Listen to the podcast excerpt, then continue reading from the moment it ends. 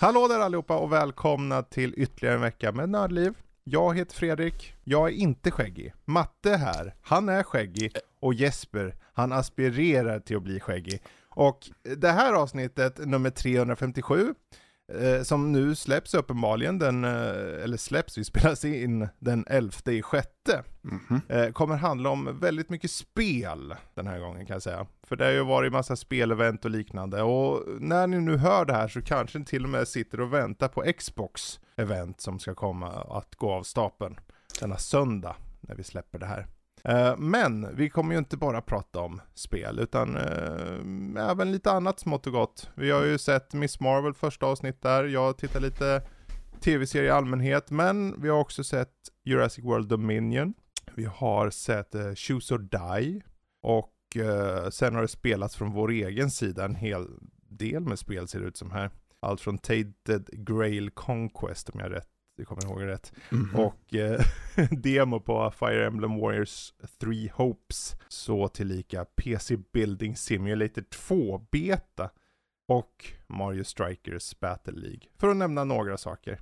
Men jag tänker vi gör så här. Vi har ju faktiskt ehm, mycket nyheter. Jag vill, vi, vi börjar där direkt helt enkelt. Ehm, och innan vi går in på alla de här Summer Game Fest och Future Game Show och så, så tänker vi gå in och bara river av lite av de här vanliga normie-nyheterna.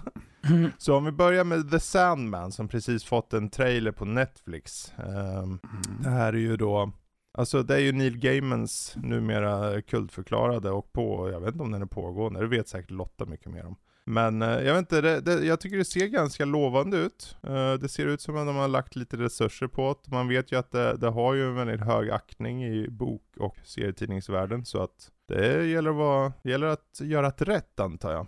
Men vad tyckte ni om? Ja, det såg eh, olycksbådande ut. Mm. Och det menar jag inte som att eh, det ser ut som att det kommer bli skit, utan det såg bra ut tycker jag. Eh, lite, jag, jag har väldigt dålig koll på vad The Sandman är. Jag får Mm. lite, men vad jag kan utröna av trailern är att det verkar ju vara lite eh, fantasyaktigt. Mm. Men med en betydligt mörkare ton. Jag vet inte om det räknas in i det som kallas för grim dark fantasy. Men ja. Det kan det nog säkert göra. Ja, ja men det Mm. ser lovande ut tycker jag. Mm. Jag håller nog med Matte här med att eh, jag har inte heller jättebra koll på just The Sandman och vad det är för karaktärer och sånt, men jag tycker att Mm. det såg intressant ut. Tycker om hela estetiken de kör på med lite mörkare Mm. ton och så. Ja, såg intressant ut i alla fall. Precis. Det lilla jag har läst av uh, Sandman är ju varit, det är ju mer av en antologi, alltså det är varje del har känts som att det är olika öden bara så här. Men. Men sen är inte jag någon expert alls på det. Det finns säkert en genomgående, Men äh, nej, det var just det jag skulle fråga om det är någon slags genomgående story, om det är återkommande karaktärer eller något sånt. ja, det är ju, det är ju återkommande karaktärer, det är Mm. det ju. Eh, Döden och The Sandman och allt vad de heter. Mm. eh, är ju uppenbarligen, du hör jag bara säger så, det lilla jag vet. Det ska bli intressant att se det som tv-serie just för att där behöver du ha ett narrativ på Mm. Väldigt tydligt. Ja. Jag såg en kortfilm, någon kortare animerad version av något, och då var det döden som kom till en tjej som skulle, eller en kille som tog, skulle ta självmord. Mm. Och sen visade att han hade redan tagit, Mm. tagit självmord. Det jag satt och funderade på, kom, om man ser det med svensk undertext, kommer de ha översatt Sandman till John Blund då? Just det. John Blund kommer och tar dig 2022 Ja, med Mattias Malm i huvudrollen. Jag är skäggig! det var ju det, var ju det roligaste i Netflix eh, Motorsågsmassakern-film som kom i år. Så, för jag såg den med svensk undertext och då första gången någon säger Leatherface så har de Ja. översatt det till Skinnfejan eller något sånt. Skinnfejan? ja, det var jätteroligt. Ja, ja, vilken kombo. Det är Skinnfejan och John Blund som gick in på en bar. Nej. Ja. Skinnfejan, ja. Nej, men eh, jag vet inte, det finns inte så mycket mer att säga. Det är bara att avvakta och se. Uh, hade vi någon tid på den här? Kommer den ut i år eller? Det kanske inte förtäljdes i uh, trailern där. Augusti, men, 5 augusti. Mm. Då så. Då är det inte lång tid kvar. Ja, Nej. Då är de flesta tillbaka från sina semestrar och grejer, så det är bara att ja. njuta då. Precis, mm. till och med vi. Exakt. Mm. Här i lilla nördliv. Mm. Det blir bra. Um, då så, men vi hoppar vidare. Det var ju faktiskt ytterligare eh, lite trailers. Och vi börjar hoppa vidare till eh, Castlevania Nocturne. Förvisso är det här lite mer en announcement, ren announcement i det att det visades upp väldigt lite. Det var ju bara en snubbe som stod och vände på huvudet och så var det slut. Ja. Men vad är det här? Ja, det Någon som vet mer? Ja, det, alltså, det är en uppföljarserie till eh, Netflix eh, väldigt bra castlevania serie mm. Och vad jag har förstått det som, så nu kommer det handla om en ättling till Saifa och Trevor, som vi lärde känna yes. i föregående serie. Han heter Richter, mm. tror jag. Jag har ingen aning om vilket spel det är baserat på. Det som jag fick reda på är att det kommer utspela sig under franska revolutionen tydligen. Mm. Eh, så. Eh, det, det, är typ allt vi vet. Det är lite röster vi hör om att uh, mörda vampyrer och oh, du ja, letar precis. efter någon som heter Belmont och så skriker de Richter hela mm. tiden också. Nej men, uh, och med tanke på vad det är en uppföljare på så är det klart att det känns lovande i alla fall. Jag hoppas mm. det blir bra. Uh, vi vet ju inte så mycket för att de utannonserar ju det här under Summer Game Fest under mm. Netflix Geek Week, eller vad det heter. Just det. Ja, just det. Och då mm. sa de ju mer eller mindre bara att, det är under, att den är under produktion just nu. Ja, jag ser här, det, han var med bland annat i den här Symphony of the Night. Aha, ja, okay. Symphony of the Night och... Så att, eh, Rondo of Blood bland annat och Nocturne of Recollection. Mm. Så att eh, det, Symphony of the Night har jag hört mycket om. Mm. Så att då, då, det här, ja det är kul att de hoppar dit. Eh, en arvtagare till Belmonts där. Han är ju även, eh, vad heter det, en utav, eh, han och Simon är ju spelbara karaktärer i Super Smash Bros Ultimate också. Så att det finns okay. ju lite igenkänning ja. därifrån också. Vi skulle egentligen ha en jingle för Jesper så här, veckans Super Smash, och så, doing, så trycker du på den så kommer det in en liten så här, ha, det är så här kul tidbit som man kan föra in lite när som helst. Fortsätt så. Um, jag vill ju se din koppling när jag tar upp PC Building Simulator. Ja det, är, ja, det är faktiskt så här att i Super Smash har vi med en PC, en PC med ben. Nej. Det hade varit något. Det hade varit allas favoritkaraktär Kastar någonsin. Kastar ut floppy drives, man bara what? Ja då. Mm. Ja, ja, men jag tyckte det, det, är aldrig fel med mer Castlevania. Det blir intressant att se längre fram. Mm. Vad som var lite mer uh, kött på benen på var den här Dragon Age Absolution som fick en officiell teaser då. Uh, den här serien då baserad på spelen ska komma i december. Och uh, jag vet inte, det såg väl okej okay ut? Ja. Ja. Tyckte jag. det, det, gör det. det. det. ser ut som en välanimerad och påkostad serie som Netflix släpper mm. typ. Så, uh, ja. Ja, alltså ja, det, det, de som älskar Dragon Age kommer ha något att se fram emot. Mm. För ja. en viss annan Dragon Age, alltså själva spelet, äh, vad heter den nu? Wolf, Dread Wolf. Ja. Det, det lär ju ta ett tag. Mm. Så då får man lite under tiden kanske. Mm. Uh, bra, också ett litet tips här nu som uh, Jesper uh, tog upp. Och du kan säkert få in en uh, Super Smash jingle kanske, vad vet jag. Men Final Fantasy 7 event den 16 juni. Mm. det kommer ske en 10 minuters ja, nyhetsvideo eller någonting. Livestream Med... typ. Ja, ja det här är då, det utannonserades nu, jag tror det var igår, eh, att eh, Tetsuya Nomura, han som har gjort, eller han som håller på att göra bland annat 7-remaken, eh, sa att det här kommer vara en 10 minuters showcase som, eh, heter det, firar Final Fantasy 7, tror det är 25 år i år. Där de eh, mm. går in på väldigt mycket nyheter på de här 10 minuterna och att de vill att folk ska co-streama sina reactions till det här. Det, det ska bli en, Aha, det ska bli en ja. stor eh, show liksom. Det, ja. Kan vi se Part 2 nu då? Final Fantasy 7 Remake? det är Det- väldigt, Mycket som, eh, väldigt mycket som pekar på det. Och bland annat, jag tror det var röstskådespelaren till Zack Fair. Karakt- eh, en annan karaktär från Final Fantasy 7-universumet. Eh, som vi Okej. bland annat, kanske lite spoiler för eh, 7 Remake då. Men både, både i slutet på eh, 7 Remake och på 7 Remake på Integrate ser man Zack Fair. Eh, I en cutscene typ. Mm. Så eh, kommer vi spela som Zack Fair i Final Fantasy 7 Part 2. Och kommer Mm. det bli som typ, eh, vad heter det där, eh, Adve- äh, inte Advent um, Crisis Core heter det. Kommer det bli något liknande som Ja, det? okej.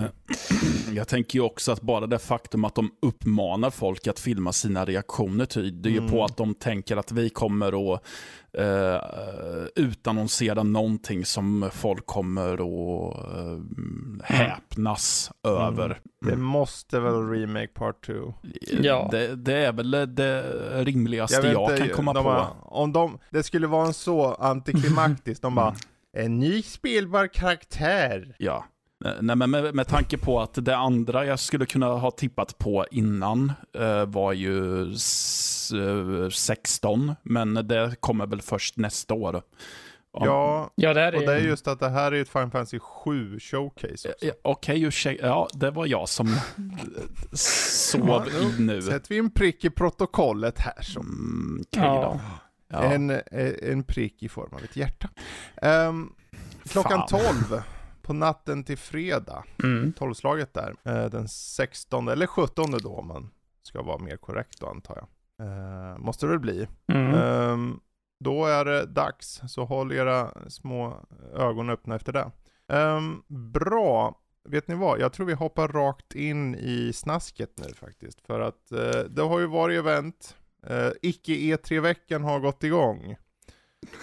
Jag kommer kalla det icke E3, för det är liksom, de vill vara E3, men de är inte E3. Och det började med Summer Game Fest, och uh, Jeff Keely stod på scen, och han var entusiastisk som alltid. Uh, men det var kanske, jag vet inte, om vi ser till, vi kan ju börja i en annan ordning, att vi berättar lite kort om hela allting som vi har se- sett på ett generellt plan, utan att poängtera på vissa titlar, utan hur har eventen varit tycker ni? Alltså, det har väl varit lite en eh, blandad kompott. Jag tyckte väl att det började okej med Summer Mm. Game Fest där. Eh, sen har det väl varit lite problemet att eh, antingen så känns det som att man inte har någonting att visa upp. Mm. S- Eh, som, och då kan man ju ta ett exempel där Devolver Digital gör det, sitt absolut yttersta för att ma- maskera att vi har ingenting att prata om egentligen. Precis. Men sen så har det varit väldigt... Det har varit event som har känts väldigt långa. För att eh, Mm. alla spel ska ta så mycket tid. Och de eh, pratar in sig så, eh, på en så detaljerad nivå. nivå. Och sen har vi ju också bekymret att en del events känns så väldigt nischade för en väldigt specifik typ av spel. Mm. Vilket också för med sig att eh, min hjärna blir ganska uttråkad för den känns som Ja. att ja, men jag ser bara samma sak hela tiden. Precis. Så. Precis. Jo, Eh. alltså. Jag håller nog med dig där väldigt mycket. Att det känns eh, som att överlag är det, det är ett väldigt wannabe E3 på något sätt. Det lever inte riktigt upp för mig till, i alla fall hittills, av vad E3 Mm. egentligen brukar vara. Vilket är en showcase där hela industrin från AAA till indie, allt möjligt liksom kommer ihop och visar väldigt stora och intressanta titlar liksom. Det känns som att eh, till exempel det varit väldigt mycket fluff som kanske, det är väldigt mycket mängdspel i många av de Mm. här. Vi tänker på, vi, vi såg ju idag både Wholesome Direct och Guerrilla Collective bland annat. Eh, och det var ju Ja. nästan bara in, litet, litet indiespel av typ två, tre Precis. personer på rad, liksom. Speciellt Wholesome Direct. Jag blev nästan, jag kom jag mig Mm. att typ zona ut väldigt mycket på den, för jag kände att bara, uh, alltså det är typ extremt många spel, jag tror det var 100 titlar eller någonting. Och alla är typ Mm. gjort av kanske tre, fyra pers bara. Och det kändes som att det var eh, sånt som de kunde bara liksom det kändes inte riktigt jättehype. Nej, jag tror mycket har att göra med att det, man märker skillnaden från några som inte riktigt vet hur de ska hålla ett event till de som vet hur man ska hålla ett event. För jag tror Future Game Show som var senast nu för oss i inspelande stund Mm. visar på, okej vi vet konceptet, vi vet hur vi går vidare, vi vet exakt vad vi ska visa Ja. och vi vet hur en trailer ska se ut. Ge oss lite cinematic för att sen gå över till lite gameplay, snacka, det här kommer ut i den här... För varje, varje trailer gick över till en endscreen där våra två presentatörer sa This game, det här heter så, kommer komma ut, även om det kommer säga will come out sometime in 2022. Mm. Då var det väldigt konkret. Ja.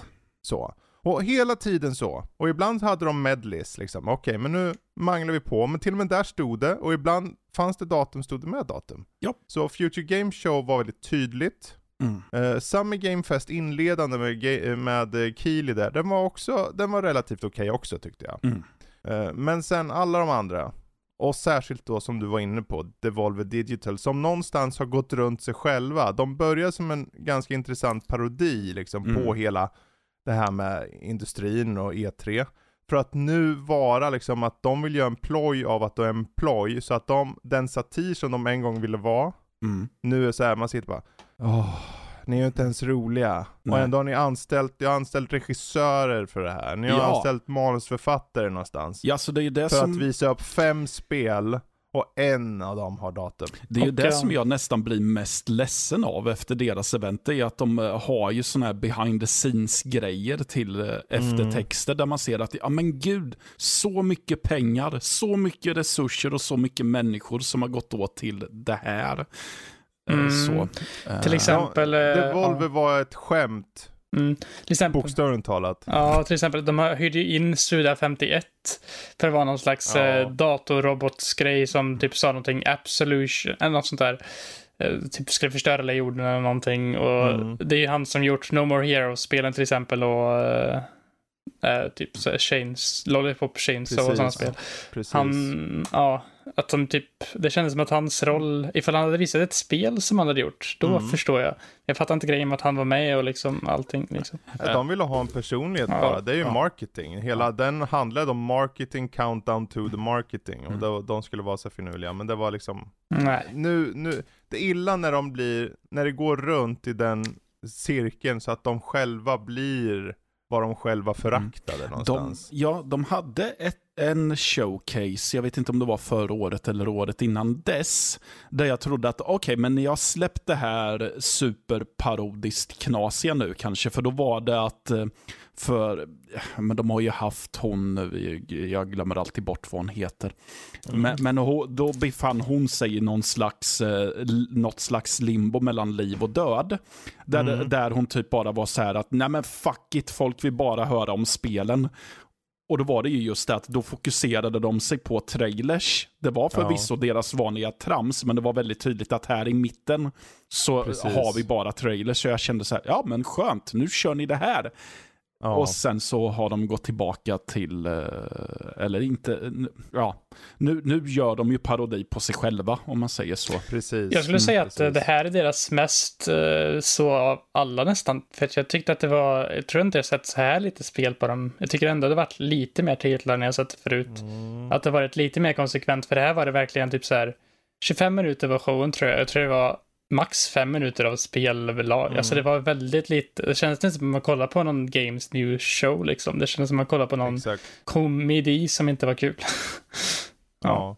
Men vi tar och siktar in oss på spelen då, och jag Mm. tänker vi gör det så här lite jobbigt genom att säga att ni får ta och nämna tre spel, Mm. två, tre spel, per show. Och då är det inte att ni måste ta alla shower, ta de shower ni vill ta upp något ifrån bara. Eh, och that's it. Så Mm. att eh, då är vi, vi har ju Summer Game Fest, vi har Day of the Devs, vi har Revolver, eh, Devolver Digital, vi har Future Game Show och sen har inte jag skrivit upp något mer. Eh, Så att om ni har fler saker uppskrivna så kör vi in. Men eh, någon som vill börja, är det någon som har tre spel som ni känner stod ut?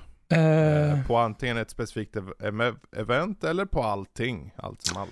Jag tänker på ett spel nu med en gång och det var faktiskt från Mm. Devolver. Det är ett spel som kommer 2023 och det är The Plucky Squire heter spelet. Mm, Eh, mm. Det är ett spel man spelar som någon slags liten legosoldat som går igenom tecknade världar. Eh, som är en blandning med att man går igenom 2D-dimensionella banor med lite olika gameplay-moment. Man ser någon punch-out-grej och så ser man lite typ Cuphead-liknande shooting-segment. Lite sånt. Och sen även 3D-strider i liksom en slags leksaksrum.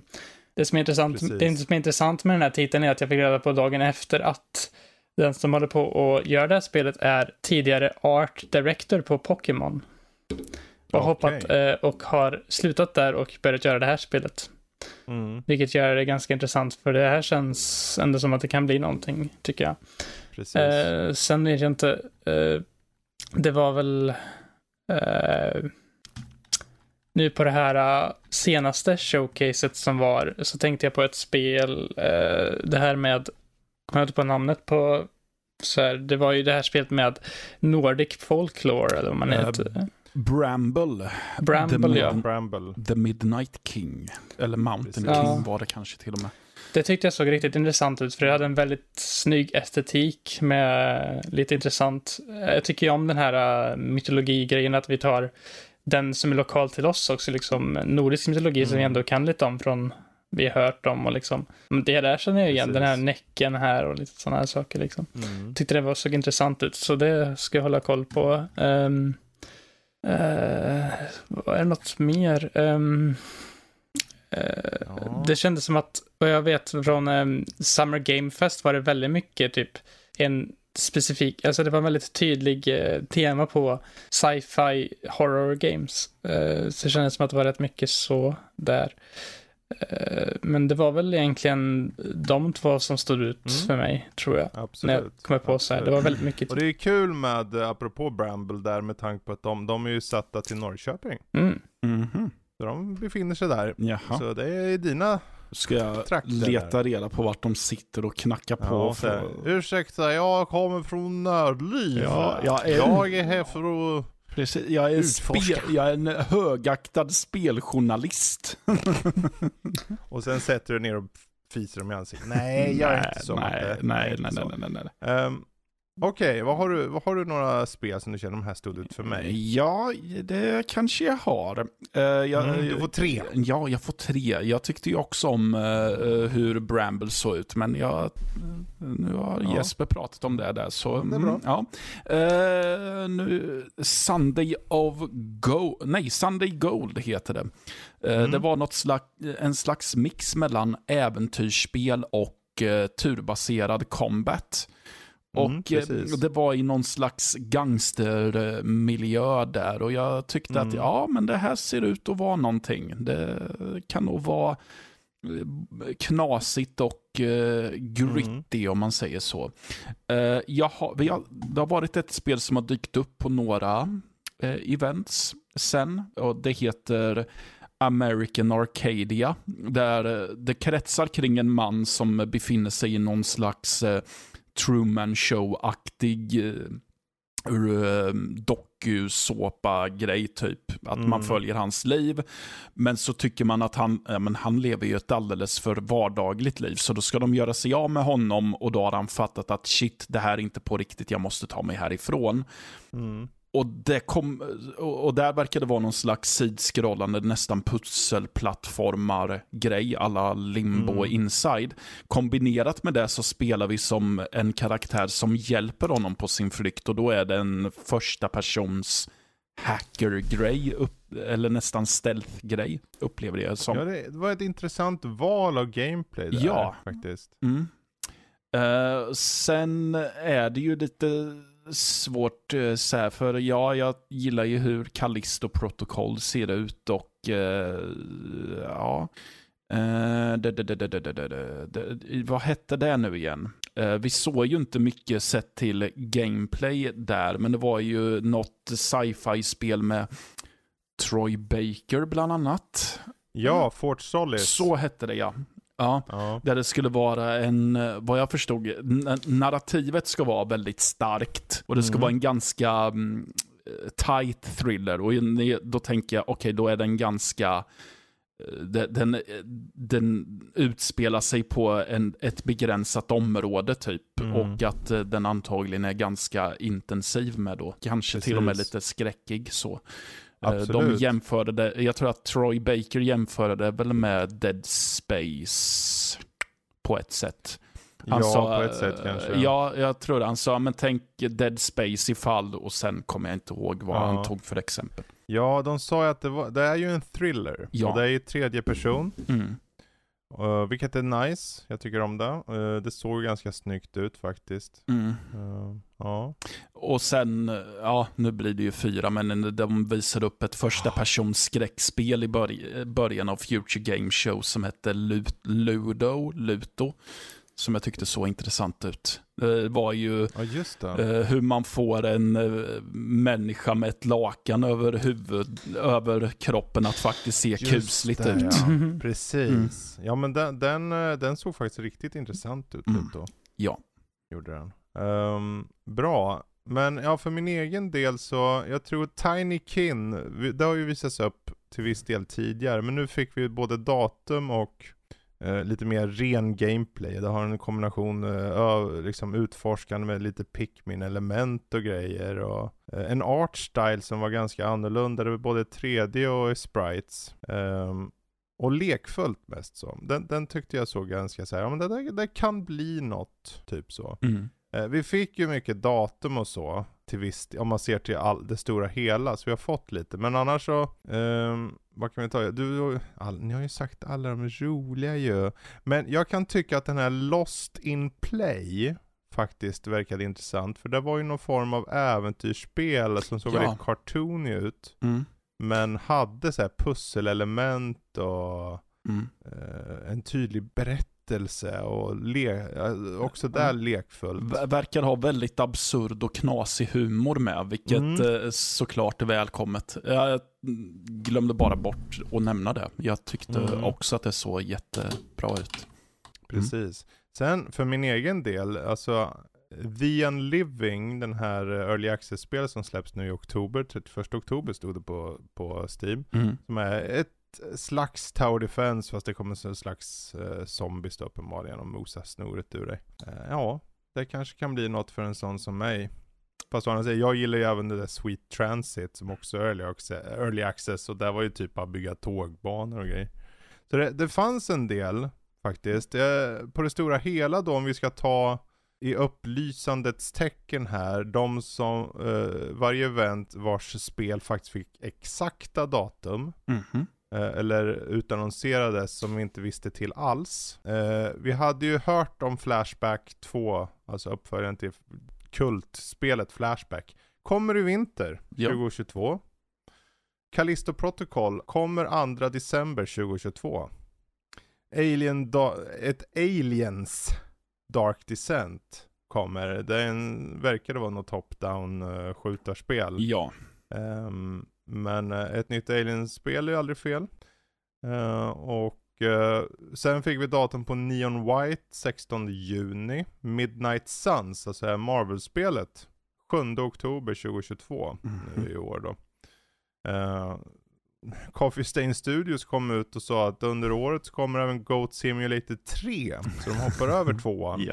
Eh, och låter alla bli stångade av en get redan i år någon gång. Eh, och varför inte Teenage Mutant Ninja Turtles Shredders Revenge redan om en vecka, alltså 16 juni. Mm. Eh, och den kommer även ut på Game Pass. Jaså? Ja, Gör den? den kommer ut på Game Mm. Pass. Ja, ja. Ehm, så att det kan vara kul. Där har vi några av de tydliga. Vi har även Warhammer 40k Dark Tide. Den Mm. eh, kommer ju komma 13 september. Eh, Layers of Fears, uppföljare då till Layers of Fear, kommer tidigt 2023. Och eh, de avslutar på Summer Games Fest med The Last of Us Part 1, alltså en remake av första spelet. Och det här är spel som fick på en remaster. Nu kommer det också få en remake då. Det kommer den 2 september. Och ett tag senare kommer även en PC-version av spelet. Mhm. Mm. Eh, så jag tycker det, det, det, alltså Summer Games Fest var, den var, när man tar ett steg tillbaka och så, eller ett par i alla fall, så kan man ändå säga, men det var okej. Vi har sett värre. Ja. Så. Ehm, Det var ju li inte lika bra kanske på de här typ Day of the Devs och Devolver då, i och med att Devolver hade egentligen bara Cult of the Lamb som hade ett exakt datum nu den 11 augusti. Eh, Medan Day of the Devs, eh, de hade något som heter Escape Academy den 14 juli och de hade Bear and Breakfast. Någon slags managerspel, man ska liksom ta hand om någon så här Ja, en bed and breakfast liksom fast du är en björn. Ja, Jag vet inte ja men det, det var precis eh, så det var. Mm. och, och den kom 28 juli och that's it liksom av de första, utan de, den som var mest fyllig liksom, det är egentligen den här som vi tittade för en stund sedan, uh, Ja. Future Game Show. Nej men alltså jag reflekterade ju inte över hur mycket spel det var förutom, förrän, för jag satt och förde anteckningar samtidigt. Mm. Och Precis. det var när jag sen såg eh, hur mycket det var där så insåg jag jäklar vad mycket spel de har utannonserat. Men det, Mm. det, det kändes inte riktigt så. Så de måste Nej, det ju är det också, hur man processar det, för jag tänker för mig blir det så här, om ett spel bara står wishlist now, då vet jag det här kommer inte komma på jättelång tid Mm. liksom. Det som Future Game Show börjar med, typ att åh det här ser jätteintressant ut, som heter, uh, var det Outpost? Ja. Jag tänkte, ja men du, det här kan ju bli något. Mm. Och sen var det något spel, eller var det samma spel? Det här när man... Nej det var, vad hette det där spelet med eh, att man kunde i tiden ändra så här objekt som var sönder och det var ett första persons spel, skjutarspel. Eh, Uh, det The Entropy Center. För det spelet tänkte jag, det här, Mm. det här vill jag ju bara köra just nu. Mm. Och så hade det inget datum eller någonting. typ. Portal-liknande element. Eller det kändes som Portal Mm. mycket med pussel. Man ska liksom flytta block och grejer. Och sen kan man använda någon slags enterhake-liknande Mm. skjutvapen som man kan dra sig till olika saker. Det såg nice ut. Det såg nice ut. Men det ska komma i år tydligen. Till både PC och konsoler. Mm. eh, sa de. Men, ehm, jag vet inte, vi, vi, Lost in Play 10 augusti. Ehm, vissa spel var mycket längre fram, det fanns ett som hette Enemy of the State. Det var mid 2024, vi bara okej, Ja. varför? eh, alltså visst, det här spelet, det var något, jag kommer inte ihåg vad det var exakt, det var något, ah, ja ja ja, det var ju det här gangsterspelet. Ja. Var det. Man var en gangster så gick in på någon bank och skulle råna eller något. Jag vet inte varför de visade ens riktigt så. Men eh, de gjorde det i alla fall. Eh, Team 17 verkar ju vara en stor del av Future Game Show. De har ju haft en, en sektion varje gång. Ja. Och likaså nu. Och fördelen då att många av de här, eller en hel del av de här spelen, även om vissa, jag tycker det var lite för mycket early access-spel. Det gör mig lite ledsen så att Ledsen Att de liksom- i ögat. Lite ledsen i det. Att, eh, Mm. Det kommer komma ut spel som ser bra ut och sen så efter två år när det släpps i full version, eller ett år, då är det ingen som bryr sig. Nej. Lite så, är jag rädd för. Mm. Men eh, Autopsy, Autopsy Simulator i november 2022, av alla spel så är det liksom en, eh, ja, bårhussimulator här tänkte jag säga. Ja, kommer den vara mer autentisk eller lika autentisk som Surgeon Simulator? Mm. Ja, den, här den här ska ju ha story-element i sig. Jag kommer ihåg att den kom upp för några år sedan. Mm. Och den är ju inte bara en simulator i skära upp lik, utan det är mer som sker nere i bårhuset kan jag säga. Mm. Mm. Ehm, men ehm, ja, ja. F1 Manager 2022. Den eh, har vi förvisso fått datum på här för ett par dagar sedan. Men nu vart det eh, cementerat 25 augusti igen. Eh, vi har tyvärr inte fått något datum på Planet of Lana. Men det ska komma under 2022 säger de. Eh, och en sån här Moomin-spel. Som heter Snufkin Melody of Moomin Valley. Eh, kommer till PC och konsoler någon gång under 2023. Och där är ju så, alltså det är klart, vi går, går ju inte igenom varenda spel här. Ja, vi skulle kunna ha sagt också Serial Cleaners 22 september 2022. Det såg ju ganska intressant ja, ut. så här. det såg väldigt intressant ut tycker jag. Mm. Mm. Man eh, ställa upp efter seriemord typ. Mm. Gymma det så gott som möjligt Och så man det- inte blir upptäckt. De gjorde en ganska stor grej att det utspelar sig under 90-talet fram till typ Ja. år 2000. Så jag tänker, okej, kommer de göra grejer som tydligt refererar till historiska ögonblick? Ja, det kan man ju undra. Ja, Mm. för ja, de sa någonting sånt i slutet av trailern att om du inte, mm, om du, om du minns historien annorlunda än så här så är det Mm. de här människornas förtjänst. Okej. Ja, Typ. just det. Mm. Mm. Ja, men där har vi det. Jag tänker vi behöver inte gå in så mycket djupare än så, utan uh, vi kommer med all säkerhet nästa vecka snacka om uh, Bethesda och Xbox event som då går av stapeln på söndag. Och kanske även PC Gaming Show som sänds därefter. Um, men det nästa vecka och vi tar egentligen och hoppar vidare och jag tänker innan vi hoppar in på spel vi spelat så kan vi väl se vad vi ska spela till nästa gång. Mm. För det är dags för Game Pass Roulette. Oj då. Det är lite bra sådär, innan facit på hur bra var spelen vi fick förra gången så tar vi och uh, snaskar in några nya spel. Ja, jag tycker det. Det är lika bra. Mm. Precis, och då är frågan, vem av er vill få lite alternativ först då? Vem ska vi börja med? Uh, du kan köpa mig om du vill. Okej. Okay. Bra. Eh, för er som lyssnar om ni inte vet om vad det är för något. Det handlar egentligen då om att på Game Pass finns det en slags eh, överraska mig-knapp och då får man eh, slumpmässigt fram ett spel. Och eh, vad det här, liksom, det här Game Pass Roulette går ut på då, att vi slumpar fram tre spel och personen måste välja ett av dem och spela till nästa gång han är med. Mm. Och that's it. Det blir lite kul. Eh, så jag trycker på överraska mig-knappen nu och det bläddrar har sig och spelet heter Lightning Returns Final Fantasy Eh, vad blir det? 5, 6, 7, 8? Ja, 13. Sista spelet i uh, 13 trilogi. Har du kört det? Eller? Nej, jag har inte kört Du har inte kört det? Bra. Eh, skriv upp det. Det här är ett alternativ. Nummer två.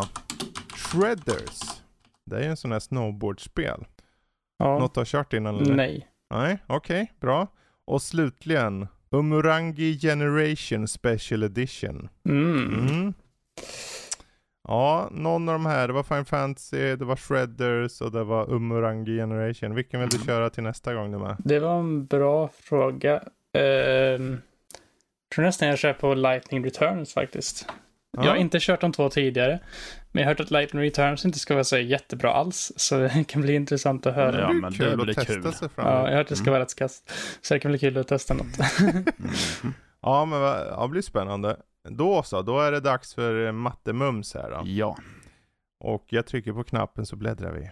Köp, köp, köp, köp, köp, köp, köp, köp, köp. Första spelet är ha Iron Harvest. Ja, det har jag inte kört. Det är väl något RTS i andra världskrigs ja, det är det. Eh, miljö. Det är ett alternativt andra världskriget eller vad det är för något. Ja, precis. Jag för mig att det, jag för mig att det är ganska snyggt, men Ja, det är mm. ganska snyggt. Mm. Uh, hur kul du kommer ha det får du väl testa själv om det blir det. Ja. Uh, vi trycker igen. Uh, du hade inte kört allt Nej. Där då?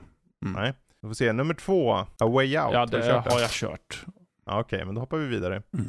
Full Throttle har du kört? Ja, jag har inte kört remastern, men jag har kört ja, ja, originalet det... mer yes. än en gång så. Ja, Last Stop. Ja, det har jag, har det har jag kört. Okej. Okay. Mm. Uh, the Yakuza Remastered Collection. Uh, alltså det är alltså alla spelen, eller? tror det. Uh, jag tror ta med tusen. Ja, det är... 3, 4, 5. 3, 4 och 5. Ja. Har du kört någon av 3, 4 och 5? Nej. Okej, okay, The Yakuza Collection. Kul för dig. Mm. Då har du en. Och slutligen, It takes two har du kört. Ja. Med mig? Ja, och med... Super Mega Baseball 3!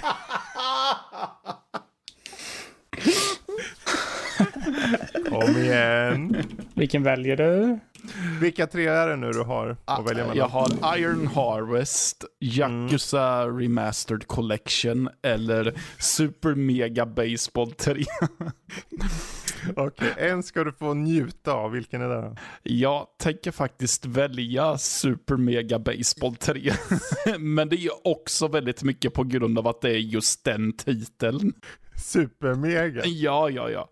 Ja, får se om den är supermega. Ja. ja. Iron Harvest, så kul du inte tog den, för den recenserade. Den var okej, okay, men du skulle du skulle inte gilla den tror jag. Jag har sett, väldigt seg. Jag har sett det spelas och eh, vet att jag inte hade tyckt mm. om det. Mm. Kul att bara, ja du fick en collection i Yakuza. Ja, ja eller hur. Ja, ja. Mm. Nu är det min uh, otur. Mm. Uh, då ska jag trycka på överraska mig. Och ni ser ju här. Så att först har vi The Bard's Tale. Någon får gärna skriva upp det här för övrigt. Ja. Uh, remastered and resnarkled. Ja, det är ju ett eh, gammalt, gammalt RPG det ja, där. och det tråkiga är att jag har ju faktiskt kört Jaha. en bit av det. Mm. Så att, eh, Mm. Kommer jag på nu i stunden. Otippat. Mm. Ja, nu ska vi se här. Crisis, ja men Crisis 3 har jag kört. Eh, nu ska vi se, Dodgeball, den har jag faktiskt kört. Mm, Ja, det är klart. För vi recenserade den och vart jag nyfiken på den när den kom ut på Game Pass. Um, Zoo, ja, Zoo Tycoon har jag kört. Nu ska vi se. Going Under har jag kört. Den när man eh, liksom ser upp från jobbet och eller vad fan är. Man går runt som en tjej. The Pedestrian har jag kört. Mm. Uh, Need for Speed Payback har jag nog recenserat till och med. Um, Yakuza 3 Remastered. Räknas som, det räknas väl om jag har kört trean fast inte remasterad? va? Ja, det räknades ju att jag hade kört full Ja, throttle. ja men då så. Mm. Då så. Tur för jag tycker inte om det. Super Mega Baseball 3 har jag ju inte kört. Så. Ja, ja, men eh, det är ju ingen som säger att man inte kan ha samma spel om du inte har kört det. Så ja, absolut. Ja, vi får se. där har vi din första. Mm.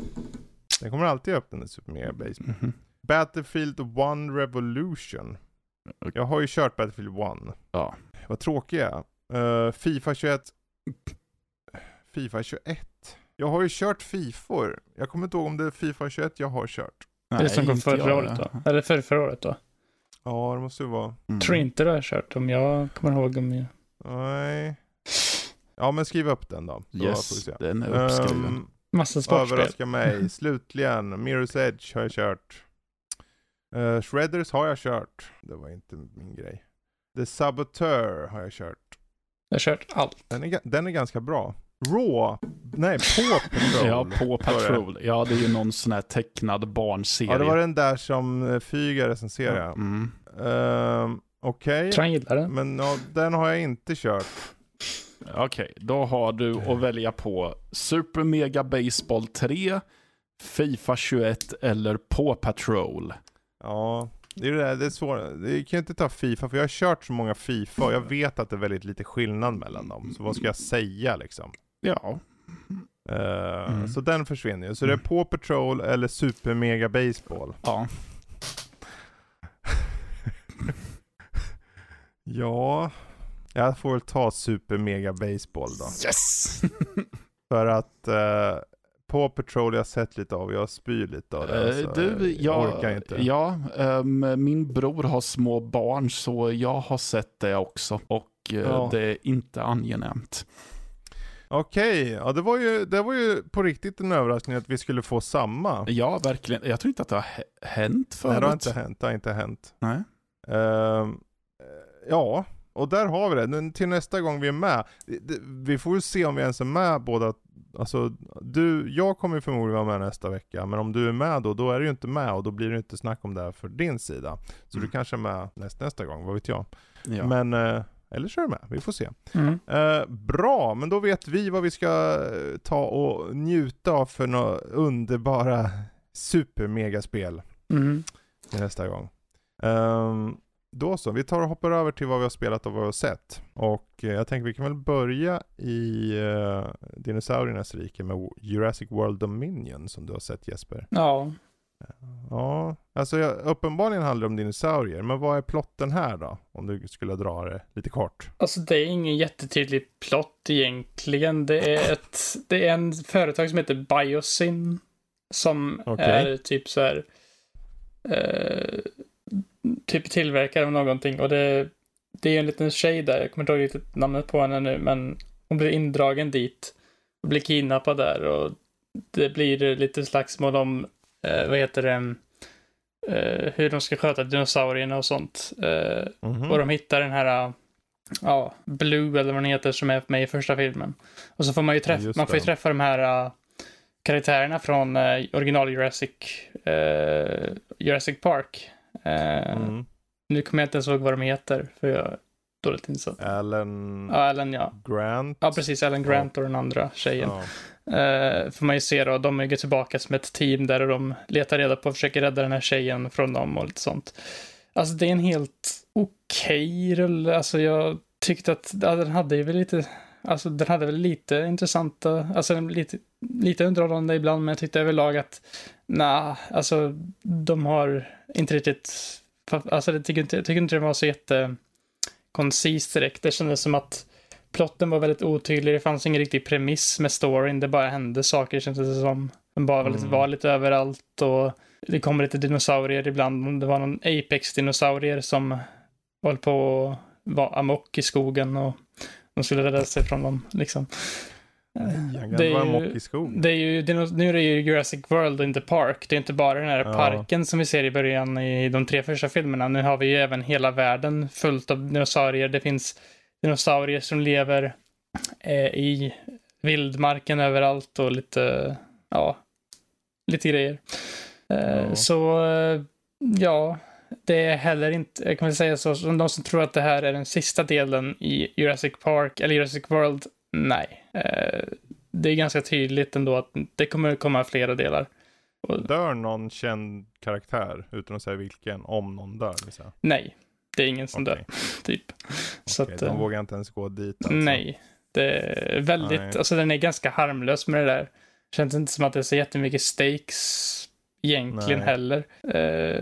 Och ja, den, ja. den är ganska, alltså plotten är ganska silly och inte så jätte... Jag tycker inte den är jättevälskriven och bra. Jag så. vet inte, jag, jag hade ju inte förvisso förväntat mig någon bra berättelse så, om jag ska vara helt ärlig. För det är ju svårt att gå tillbaka till wow-faktorn första Jurassic Park hade när mm. den kom. Mm. För, uh, och sen, jag menar, även då på den tiden när uppföljarna kom så var ju inte uppföljaren, de nådde ju inte originalet i alla fall.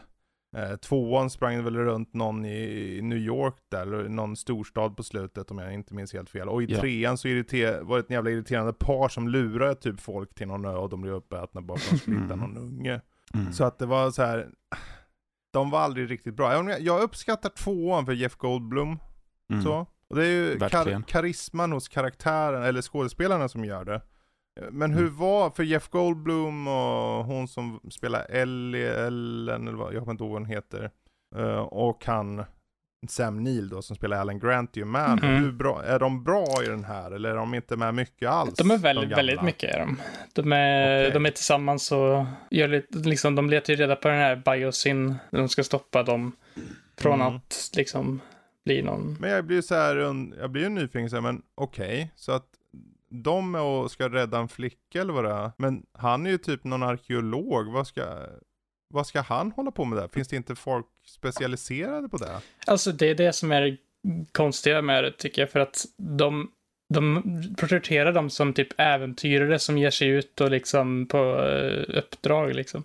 Inte ja. uppdrag, men alltså liksom de ger sig ut och gör sådana saker medan det är inte riktigt vad de gör egentligen. Alltså det känns som att, nej, na, alltså berättelsen är inte bra kan jag säga. Det känns inte som att de har tänkt till den så jättemycket. Det är mer det här med visa vi har coola dinosaurier här. Det känns som att det är typ Precis. grejen med det. Och det tappar mig lite där faktiskt, tyvärr. Ja. Uh, Ja, för uh, Jeff Goldblums karaktär, den här Ian Malcolm, mm. han var väl bara någon, uh, vad var han? Han var en sån här matema matematiker eller något bara. Ja. Var han ju ursprungligen. Så jag vet inte vad han ska springa runt och... Nej, alltså det... Actionhjälte för riktigt. Som... Men uh, okej, okay, fine. Han men Chris Pratt och de nya då? Ja, men de är väl, de har väl ungefär samma slags roll som de hade innan. De är på lite, ja, till exempel de, de är lite typ på andra sidan. Det finns typ en sida där de är eh, med Chris Pratt och dem. Eh, och den här rödhåriga. Och så finns det ju även, mm. det är deras, jag tror det är någon dotter till någon av de karaktärerna som är den här tjejen. Eh, hon har en mamma som är en eh, ledande eh, forskare från Jurassic Park-tiderna. Uh, och hon var liksom ett experiment där typ, tror jag, på Biosyn, den här tjejen, hon är fast där nu. Okej, ja, det låter rörigt. Det är väldigt rörigt um, kändes som. Det kändes som att det hela... Men om vi säger så här då, för att avsluta där. Är det värt att gå och se den på bio? Jag skulle nog inte riktigt tyvärr säga det faktiskt. Eh, det känns nej, inte nej. som att, alltså det, det, är ändå inte jättemycket dinosaurier heller. Det är det som är grejen. Det är vissa scener med nej. dinosaurier liksom, men i typ början till halv, typ första halvan av filmen är väldigt mycket att de bara typ gå från plats till plats utan att de ens visar sig mm. jättemycket dinosaurier och sånt. Det känns lite som att de ja. har tappat sin identitet där också. Jag vet inte. Nej, det var ingen jättehöjdare till film faktiskt. Nej, okej. Okay. Ja, men eh, då har ni fått lite så här konsumentupplysning här. Mm. Uh, tyvärr fick vi inte några uh, Super Smash-referenser i den här, men det kanske kommer på nästa. Uh, jag tänker vi hoppar över till den gode mumsmatten här, för jag tänker choose or die. Vad väljer du? Uh, väljer du choose eller väljer du dö? jag väljer choose. I så fall. Ja. Vad är detta? Det är en uh, skräckfilm som man kan beskåda på Netflix. Mm. Uh, den handlar om ett om ett gammalt dataspel. Som eh, i början av filmen så är det någon, eh, han, det, det, är en snubbe som är en pappa som stänger in sig i sin lilla mancave. För mm. där tycker han om att vältra sig i nostalgi från när han var ung. Och då har han mm. hittat då en, eh, ett kassettband med ett dataspel då. Ja, spel kom på kassettband för väldigt länge sedan. Uh, och det heter Cursor. Uh, gör det. Och när han startade så tänker han för sig, okej, okay, det verkar vara en textbaserad historia där, men sen märker han att uh, spelet verkar um, skriva in valet själv, av sig självt. Okay. För att han inser att det beskriver min omgivning, alltså det beskriver hans omgivning och alla okay. val han gör påverkar omvärlden. Mm. Uh, och det drabbar förr eller senare, eller det drabbar ganska snabbt hans egna familj. Mm. Uh, men sen så, uh, efter att vi har fått se den sekvensen då, Mm. Så får vi sen följa eh, en tonårstjej som jobbar som städare i ett höghus. Hennes bästa kompis är en eh, aspirerande tv-spelsskapare och även någon slags hacker som också är insnöad på gammal populärkultur. Mm. Och han har då i brevet fått en, en kopia av eh, spelet Cursor. De startar upp det och eh, otäckheter börjar hända. Och de eh, beslutar ju sig då för att försöka gå till botten med det här. Vart kommer spelet ifrån och vem är det som mm. har skapat det? Det är väl plotten i stort sett. Utan att avslöja okay. för mycket. Mm. Eh, jag gillar konceptet och jag tycker att framförallt i början och en liten bit in eh, senare i filmen så tycker jag att de har gjort det väldigt snyggt. Eh, det, det, är en väldigt, eh, det är väldigt obehagliga scenarion som kommer in eh, vid något tillfälle som med hon tonårstjejen så är det en scen där hon sitter på en diner och så helt plötsligt så tappar servitrisen ett glas på golvet och sen sätter hon sig ner och spelet får henne typ att sätta sig ner och börja äta glaset okay. och så kommer hennes val i om hon ska bara fortsätta låta henne äta eller om hon ska ingripa. Okay. Och så.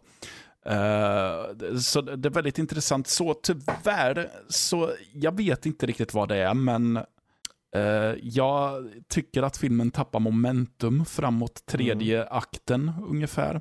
Och det är väl också att när de berättar hur det verkligen ligger till, mm. så tror jag att jag hade haft fräckheten och förväntat mig något annat.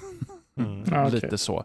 Och det, alltså, det är inga dåliga skådespelare med, och, men problemet är att jag tycker inte riktigt att de eh, lyckas få till att man känner för karaktärerna tillräckligt Nej, mycket heller.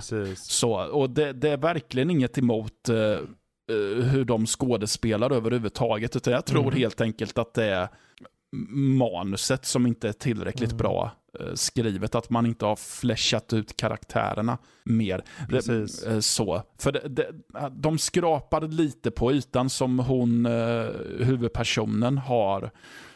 Hon, hon har en hemsituation som är bedrövlig, men de går inte riktigt in på vad det är som ligger bakom den. De, de fingrar lite på ytan, gör de. Så. Eh, eller skrapa ja. lite på ytan säger man väl egentligen. Men, precis, ehm, precis, precis.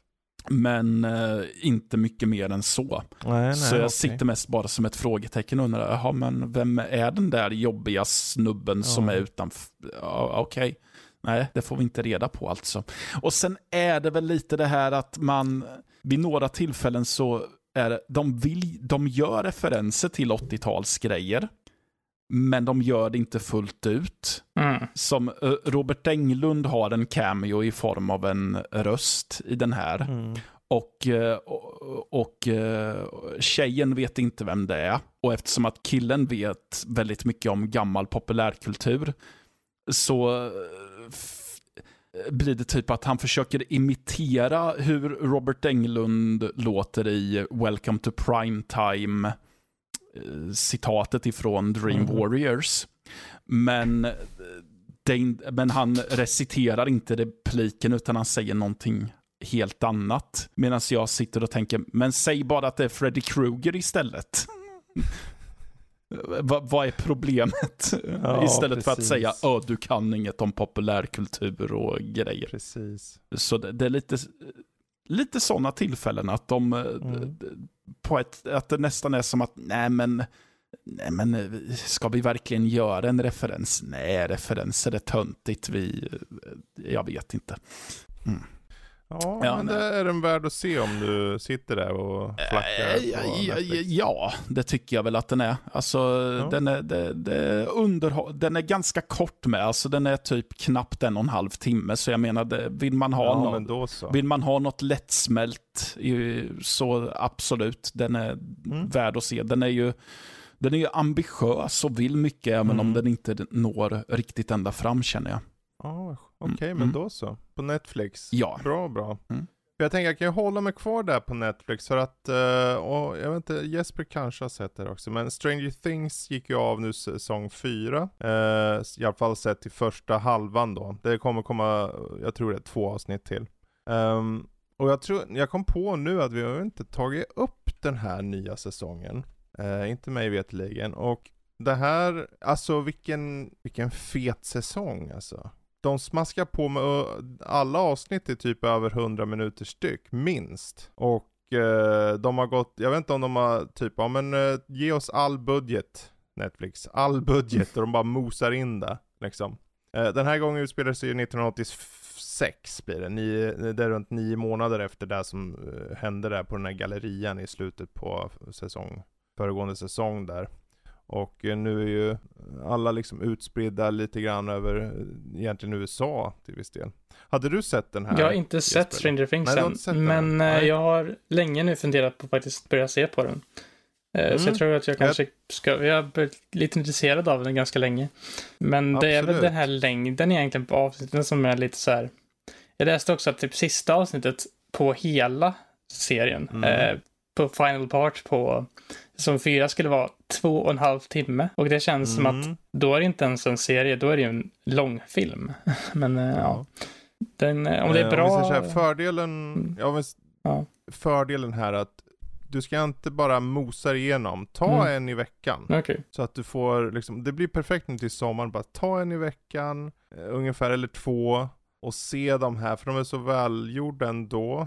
Så att det blir ju som att få eh, ett skönt litet sommarskräckmaraton nästan då. Mm. Eh, och apropå Robert Englund så dyker han upp i den.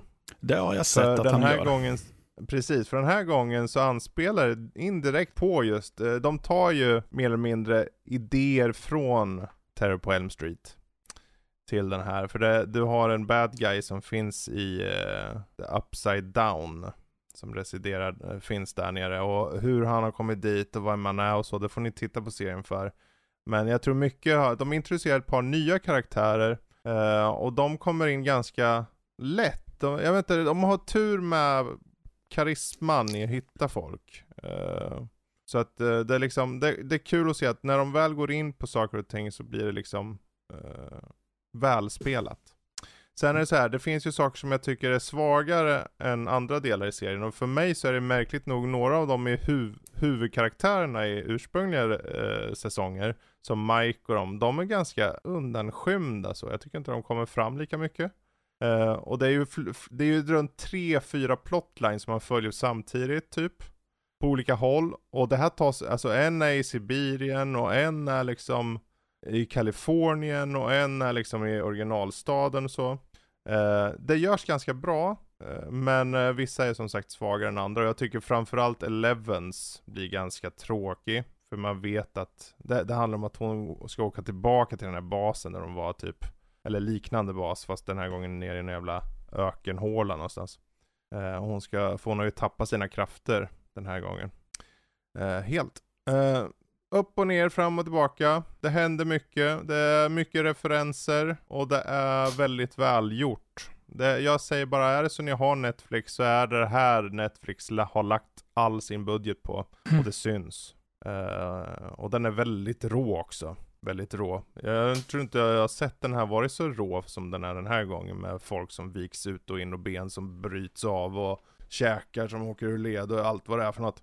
Um, så jag säger bara se första delen nu. Det, del 1 finns ute och det är sju avsnitt. Och sen kommer uh, första juli kommer två sista delarna på den här säsongen. Volym 2 som de kallas då. Mm. Bra. Jag Men, har, ju, jag, jag har ju en ja. hel tredje säsong att ta igen i så fall. Absolut. Mm. Där har du också lite saker som mosas kan jag säga. Mm. Um, bra. Och ni märker, jag gick inte in på så mycket detaljer, för det är mer så här vad jag kände för den. Mm. Jag tror det här är något som har snackats mycket, för det var ett tag sedan den kom nu. Men jag tänkte jag ville ta upp det i alla fall. Men eh, något som du och jag Jesper faktiskt har sett första avsnittet av, mm. är ju Miss Marvel. Mm. Uh, och uh, det här handlar ju om Kamala Khan som är en 16-årig gymnasietjej, uh, eller elev då på, på en skola. Hon är en riktig sån här fangirl vad gäller just Avengers och framförallt Captain, uh, Captain Marvel. Mm. Och det är så att uh, hon, hon är ju um, Pakistan. Något sånt. Säger man Paki, Paki, hon är Pakistan. Pakistanare, nej Pakis, Paki. Hur, hur böjer man det ordet? Pakistanier. Pakistanier. Pakistanier. Mm. Eh, bor i USA där med sin mamma och pappa och bror. Och hon älskar uppenbarligen, hon vill ju cosplaya som Captain Marvel på ett kommande Avenger Con. Men eh, hon har väldigt, eh, hennes föräldrar är ganska, i alla fall mamman är väldigt strikt och så. Mm. Eh, och eh, tydligt eh, mycket, vad heter det, islamistisk, eller vad heter det, muslimsk. Muslimsk, ja. Så att de, och de gör det på ett bra sätt serien tycker jag. Jag tycker det är intressant. FYI, jag bör tilläggas det, bara ett avsnitt, vi kommer inte ge någon sån här recension på ett avsnitt, vi måste ju se klart mer. Så inte man, det är så många som bara, jag, jag kollade på IMDB lite snabbt och folk bara oh worst thing ever. Du har sett ett avsnitt människa. Varför ger du en recension? Uh, ja. Men upp, vad det handlar i korthet om att hon vill ta sig till det här Avengercon, men kan hon ta sig dit? Och det är första avsnittet då. Och sen händer det vissa saker vad gäller just uh, släktklenoder som kanske har någon kraft, men det vet ju inte hon. Det vet ju inte vi riktigt heller än så länge kan jag säga. Um, det är inte så jättetydligt och, egentligen vad den här kommer gå, nej. känns det som. Det känns som att, förstås, det, det känns inte så mycket Marvel superhjälte-style. Det känns mer som en meta-grej, liksom att hon är ju ett fan av Marvel och Avengers och sånt. Mm. Som är en grej i vår värld som vi, ja, på ett sätt. Men jag tror att det kommer kanske att hon typ, jag vet inte, det kanske är en liten vild teori, men kanske att hon typ stötte på Captain Marvel eller någonting senare i serien. Alltså jag kan säga så här, hon kommer stöta på någon i Avengers. Det kommer hon göra, men jag tror att, vem det är, liksom. Det återstår att se. Ja, men det... jag tycker det var intressant liksom att det ändå från, liksom går från Moon Knight som också var en väldigt speciell Marvel-serie mm. till detta som också är en väldigt unik Känns som att de nu i de här senare Marvel-serierna och sånt har tagit lite mycket frihet till att göra mer mm. unika mm. koncept. Till exempel, de hade ju Shang-Chi-filmen förra året till exempel. Det var en helt ny sorts mm. film som var mer kung fu-hållet liksom. Jag tycker det är intressant att de har tagit den här att de kan ha så mycket variation i Marvel. Så att det liksom blir någonting för alla nästan. Så det är eh, något som är värt att ta upp här är ju stilen på hur de gör det här avsnittet. För hon är ju väldigt, hon lever i sin egen värld. De representerar i hur hon lever i sitt eget huvud genom att hon hela tiden är allting, det finns mycket animerade saker mm. i miljöerna. För hon liksom drömmer sig bort. Hon är hela tiden i sitt eget huvud. Så hon kan drömma bort, åh, jag tänker på Captain Marvel. Så ser man på byggnaden bakom så animerade figurer och grejer liksom, som gör saker och ting liksom. Um, det här bildspråket känns väldigt fräscht, det är väldigt starka färger på allt, de liksom, det är upphöjt liksom. Uh, men samtidigt har du bara en berättelse om en, en tjej som eh, har traditioner i sin familj som hon behöver följa och de vill ju skydda henne såklart. De förstår inte henne, hon förstår inte dem. och saker händer. Och det är mer så här, det finns ett familjedrama i botten som framförallt tar upp om den muslimska sidan som inte jag har sett någon gång förut. Nej, uh, jag tycker det känns väldigt unikt ungefär. Eller i alla fall hittills, vi får ju se hur det tar vägen. Men ja, ja. Jag tror, jag... sen är det så här, vi sitter och säger så här, det är unikt där, det borde ju inte vara unikt. Jag tycker de gör det så, det som är skönt här, att de pratar om vissa saker så här, som be till Allah eller något som han, hennes brorsa säger och så. Men de säger allting bara i förbifarten som att det är ingen stor grej för dem. Det är bara ditt vardagsliv. Sen att hon råkar vara i sitt huvud och se liksom saker och skit så här, eller inte se saker, men som att hon upplever saker väldigt animerat ibland. Gör bara att det blir mer, ännu mer unikt. Men det, ja. jag vet inte. Jag tycker det är intressant att, jag tycker det är ganska smidigt gjort med att de överdriver inte den här muslimska delen så jättemycket tycker jag. Mm. Tycker det känns väldigt naturligt. Det känns som att många andra serier och sånt har mycket mer liksom extrema typ stereotyper när det kommer till muslimska Precis. familjer och sånt. Jag tycker att de här är mycket mera, liksom, ja det är nog mer så här det kanske är i alltså, verkligheten, mer att det är ju inte kanske mer, alltså mer extrema som är den märkliga bilden, utan det kanske är mer åt lite det här och, jag vet inte, mm. men jag tycker att det var en, ja, tyckte om det första avsnittet. Eh, mer ja. än jag trodde utifrån trailern faktiskt. Så ja. ja. det båda gott. Det båda gott. Eh, vi får se hur det blir framöver. Vi får återkomma till den. Men jag tänker vi hoppar vidare och jag är nyfiken för du har blivit tainted hörde jag. Mm. Uh, Matte. ja, tainted in your grail. Ja, precis. Taint... Har man conquestat in grail? Mm, det kan man undra. Vad är tainted grail conquest? Uh, ja, det var ju det som slumpades fram på Game Pass Roulette förra veckan. Mm. Uh, och ja, det är en den roguelite, roguelike mm. uppbyggd historia som är ett eh, RPG blandat med eh, kortspel. Deckbuilder. Mm. Så man, Jaha. ja. Eh, så man spelar som någon eh, snubbe eller snubbinna ifrån, ja man får välja kön helt enkelt så. Mm. um, som man, det, det utspelar sig under kung Arturs tid och mm. kung Arthur slåss mot någon eh, ond kraft som heter Weirdness tydligen. Okay. Ja, men sen så är det någonting som händer så uh, huvudkaraktären slungas in i en annan verklighet och så är det någon getsnubbe som säger att ja, saker och ting är i disarray och uh, du, för att komma tillbaka till din värld måste du besegra ondingar. Mm. Så man knallar runt i, ett, i en jättedödlig dimma och besegrar fiender och då är det turbaserad combat och det är ju här mm. korten kommer in för att eh, du, alla korten representerar en handling du kan göra i striden. Ska du blocka, ska du attackera, ska du attackera på det här sättet eller ska du attackera mm. på det här sättet och lite så. Um, och du, du har som en bas dit du kan värva andra karaktärer du uh, stöter på som uh, gör att du kan uppgradera armor och sådant mm. då.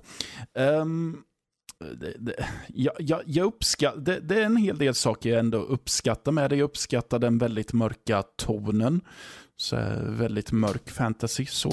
Mm. Uh, det känns ju konstigt att säga att jag uppskattar att det är eh, röstskådespelare med, men det, hade, det, det besparar en väldigt mycket tid som annars hade gått åt till att bara läsa repliker. Så det, jag tyckte att det var ganska skönt att de har voiceat spelet, även sådana här bara eh, den här texten som bara beskriver saker. Som mm. typ att ja, getmannen uh, gnuggar sina händer. Även det är voiceat med en så här, kvinnlig röst. Jaha, som, mm. Så. Uh, så. Um, nej men sen vet jag inte, jag, jag, jag vart lite throw, uh, jag vart jag tappade lite momentum i att spela det när jag insåg att det var en roguelike. Att eh, när du har eh, dött med en karaktär så är det bara att skapa en ny och börja om från början igen. Mm. Uh, kände jag, det var inte riktigt vad jag var sugen på. Mer eller mindre, men Och jag förstår inte riktigt systemet med korten. riktigt och så. Jag vet inte vilken taktik jag ska ha i striderna.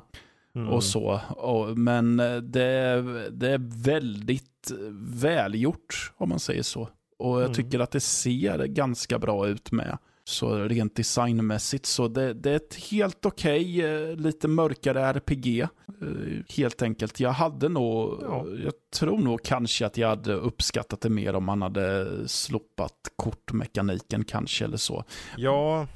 Eh, men, men det förstör inte supermycket Nej. så. Men ja, värt att spana in i alla fall om man är en mm. rollspelsdiggare. Så, okay. mm. Ja, men då så. Ja, då kan vi ju passa på att riva av våra, de här Game Pass-spelen då. Mm. För jag, jag fick ju till med det här One Step from Eden. Och det är ju bra! ja, vad kul! Det är ju bra. För det är ju så här, jag satt och kollade, men vad är det här för något? Man har så här rutnät mm. som man går på i realtid. Och du får även här kort till dig mellan spelomgångarna. Men till skillnad från att du ska inte lägga ut kort eller någonting medan du spelar. Utan du har A och B, typ, eller 1 och 2 om man så vill. Eh, två stycken pl eh, platser då som eh, representerar två knappar på handkontrollen. Och, och sen på, till hö vänster om dem så är då alla kort du någonsin hit fått tag på uppstaplade så här. Så när du använder ettan eller tvåan, då, pop, då tar han slumpmässigt ett av de andra som ligger i högen och lägger på ettan eller tvåan. Som du har precis använt. Eh, och det kan vara ju då formler och liknande, eller det kan vara attacker då såklart och sånt. Så på, du har då en, liksom en karta då i början av spelet, så du ska mm. bara från början till sista bossen liksom. Ta dig igenom, och, och, på varje steg så kommer du till en bana som är ett rutnät och din karaktär i realtid rör sig upp och ner och skjuter och hela tiden ser vad som poppar ner på ettan och tvåan. Och okej, okay, vad ska jag ta nu? Ska jag skjuta den här? Den tar så mycket mana, den här tar lite mindre mana, skjuter. Och det var väldigt fast paced. Jag tog mig igenom första tre banorna på en gång, liksom, tre världarna. Och efter du klarar en hel värld så får du välja nästa område. Okej, okay, jag vill ha en skogsområde, jag vill ha en ökenområde, jag vill ha bla bla bla sådär. Vinterområde. Och på den vägen är det. Och du får då lite så här, välja karaktärer och du får liksom uppgradera karaktärer och allting känns bara väldigt progressivt. Det känns framåt hela tiden. Mm. Med alla de här eh, härliga formlerna och så. Så jag, jag är bara glatt överraskad för One Step to Eden som jag fick eh, till mig att eh, det var faktiskt gan, ganska bra. Det var väldigt bra. Ja men vad kul. Det, det är ju, ja. det är ju sånt man vill få ut också. Liksom att hitta ja. de här gömda juvelerna nästan. Precis. Det är väl också det här att det var väldigt så här alla de här små matcherna, eh, mellan då när jag går till nästa steg på kartan, jag, innan jag går vidare bara, ja men jag pausar, jag är nöjd här för idag. Mm. Så om du vill köra en match så tar det bara ett par minuter, typ. Och så går du vidare och du kan ta en hel karta liksom på kanske 10 minuter. Så att, eh, och sen går du vidare och vidare och vidare. Och sen dör du, det har ju roguelike såklart som allting nu för tiden. Så dör du helt helt, då får du börja om typ allt. Men det var inte så det var inte lätt att dö riktigt så. Så det påminner lite om så här, ta Slay the Spire, möter rutnät och realtid, typ så. Mm. Mm. Uh, bra, men uh, Jesper, du hade Slime Rancher. Ja, det här är ju ja. ett första persons, uh, vad ska man säga, typ uh, managementspel av slime. Där du går runt, du, du är en mm. människa som hamnat på en planet som är bebodd av massa slimes. Och ditt jobb är att ta hand om de här slimes, få valuta som du kan få från ja. deras lort och grejer. Som du okay. ska suga upp i maskin som ger dig valuta som kan, ge dig, som kan bygga upp mer i din slime farm, eller man ska säga, där du kan bygga upp nya. Så du går runt och suger upp lort, är vad du säger? Typ, ja. så kan du, du, kan, okay. du kan gå runt och utforska, suga upp slimes, kasta in dem i din, uh, vad heter det, i en sån här eh, åker, eller man ska säga, där de bor i. Och så kan mm. de producera lort och det, så kan du få pengar från det och så kan du vattna och skaffa du måste ju underhålla dem med eh, näring och lite sånt så de oh. överlever och sånt. Och så kan du hitta olika typer av slime. Vissa är svårare att fånga. De eh, kan mm. inte få upp, då måste du uppgradera och hålla på och Ja, det är ett Precis. spel man kan hålla på med. Man bygger så här conserva conservatories liksom, mm. så här trädgårdsgrejer och så. Mm. får du dem och samlar resurser och Ja. ja. Ja, Var det kul?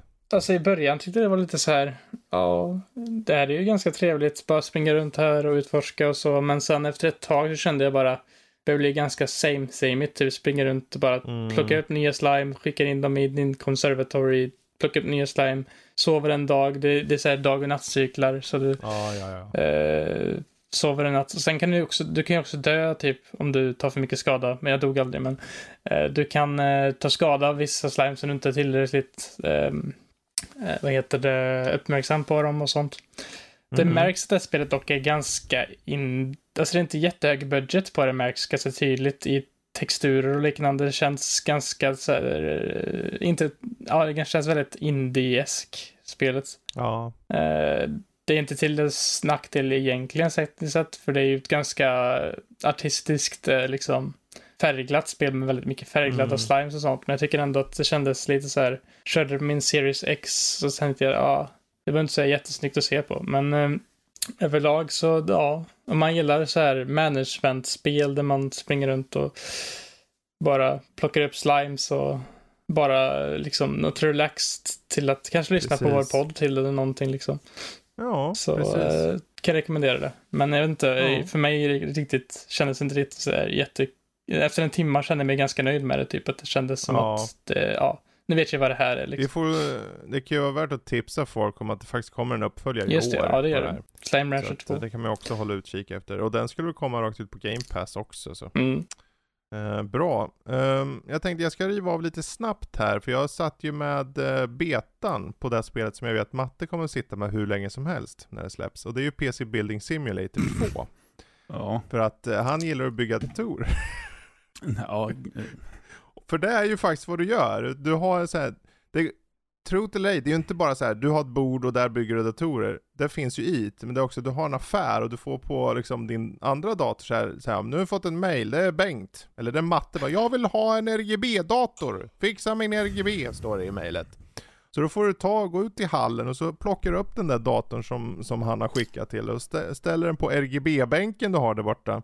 Där du konfigurerar RGB. Och så går du in i programvaran, för du, du måste manuellt skruva på alla, sätta på alla kontakter och ge ström och starta upp den. Och så, det blir så meta, för på bordet har du ju en skärm. Så du koll, trycker på skärmen, så tittar du på skärmen, du alltså spelar spelet och i spelet så är det en skärm. Och på det här är ett Windows. Och på det här Windows kan du ändra bakgrundsbild till din bakgrundsbild i verkligheten. Och såklart så kan du ändra då, i det här fallet så kan du ändra RGBn. Och sen finns det, det finns datorer som vill ha, de här ska du, vissa vill att du ska överklocka din dator, vissa vill bara att du ska byta ett grafikkort, vissa vill att du ska, eh, just name it och det finns liksom. Det finns över 1200 komponenter kommer det finnas. oj. Och det finns ett storyläge och ett freebuild-läge. Och i storyläget då får du som jag körde det nu, så här att du får mail och det är liksom varje dag går och då ska du liksom Gör klart alla de här sakerna du får mail på. Och sen ska du bara gå till dörren och gå hem och sen blir det en ny dag med nya uppdrag. Uh, du ska tweaka ramminnen och vattenkylning och det är överklockning och du ska spraymåla dina folks burkar och sätta stickers på dem för det finns folk för allt. Uh, och Men, och det är det här som är så kul, för jag som har byggt datorer, Mm när jag, jag satte ihop, man kunde eh, sätta ihop en dator med nytt grafikkort från scratch då, och liknande. Och det är exakt så. Så som de är i spelet, så är det i verkligheten. Okej. Så kör du spelet, ja det är så här, du vet när du, i verkligheten måste du stå där och vrida hela handen runt och det tar tid. Här är a- sa, an, allting vad gäller samma antal skruvar och sånt måste skruvas ut, men då trycker du in knappen bara och så skruvas det ut. Så du slipper ju vara, bli trött i armen och det är ju bra Matte, eller hur? Ja, det är jätteskönt. Det är ju det som Men det är värst. mycket riktigt samma skruvar, du måste där, till och med hade de så här, om nu vill, nu vill vi att du ska sätta på kylpasta på processorn, får du så mm, kladda ut Ja. och sånt. Det här var betan jag körde. Och jag kan säga att det här båda väldigt gott. Eh, det, det, visst, rent så tekniskt sett så var det lite stutters och sånt i, i, i själva spelet.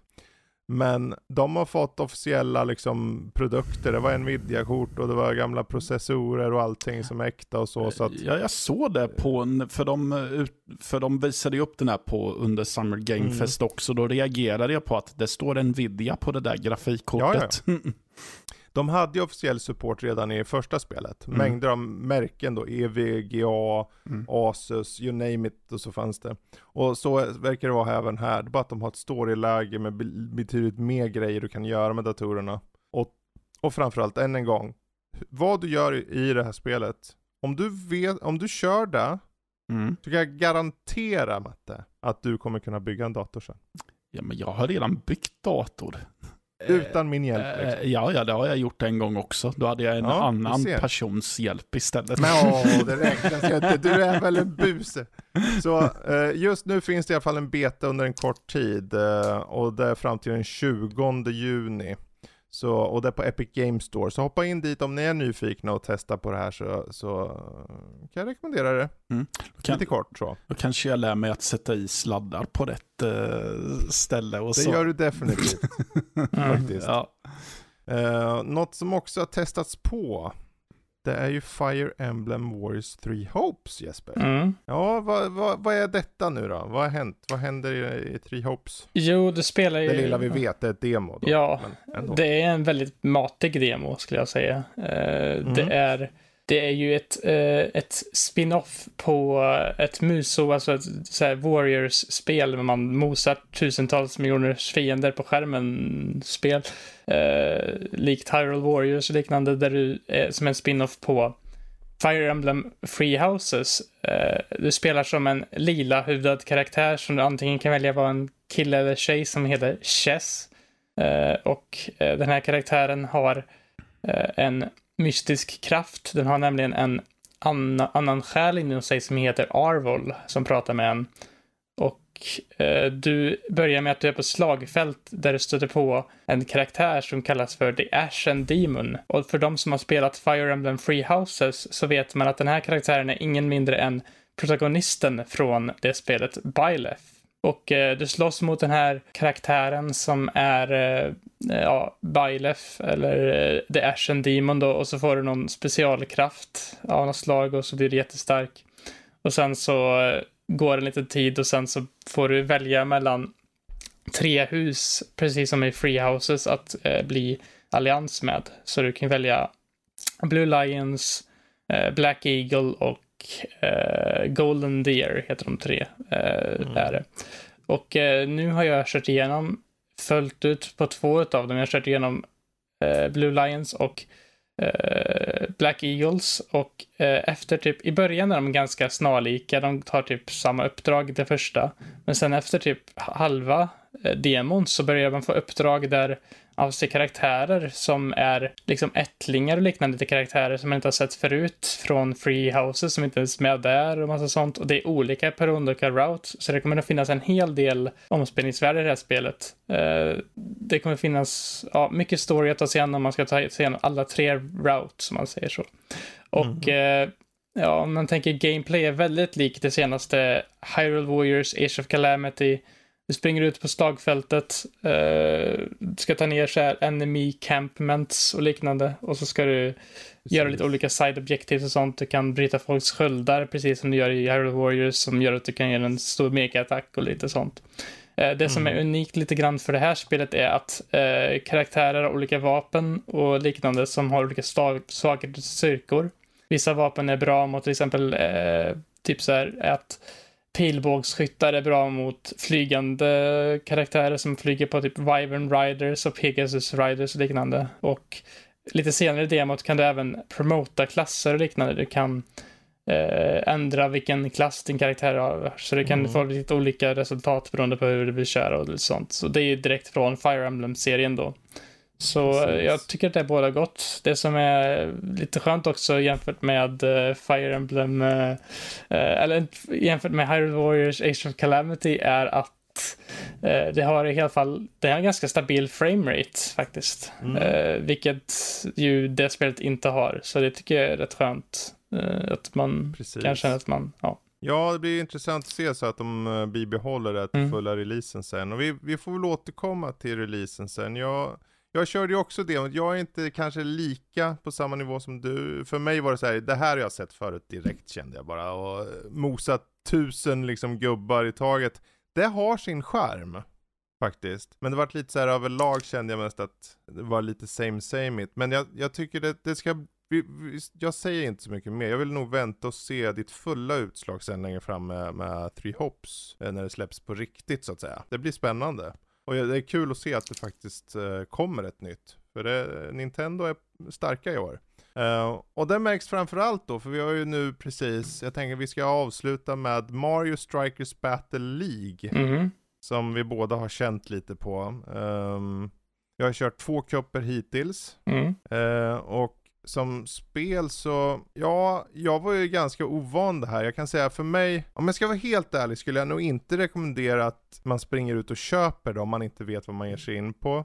För det är väldigt mycket fotboll. Det var mer fotboll än jag trodde att det skulle vara. Jag trodde det skulle vara väldigt mycket mer arkadigt. I det att det var så här väldigt få knappar eller något. Men det är ju en hel del att hålla utkik efter lite, kände jag så här vad gäller knappkombinationer. Hålla inne en knapp för att göra en typ av tackling. Snabb knapp på Y för att få en snabb tackling. Och sen specialskotten och så. Så det var betydligt mer än jag trodde. Men eh, jag kom ändå in i det till slut. Men jag förstår så här i efterhand att hade jag vetat att det var så här så hade jag nog kanske inte ta, skaffa det. Grejen är Faktiskt. att jag, det, det är faktiskt ganska mycket mera sånt, eh, alltså mycket mer tekniskt än de andra Mario Strikers. De är lite mera arkadiga överlag, eh, Mm. känner jag. Eh, jag kommer inte ihåg jättemycket, jag har kört Wii-spelet mycket när jag var liten. Jag kommer inte ihåg att det var så här mycket liksom, det var inte så jättemycket så här perfect eh, typ skott så du kan liksom så här tajma direkt. Typ tajma dina skott så du kan skjuta in i målet och sånt.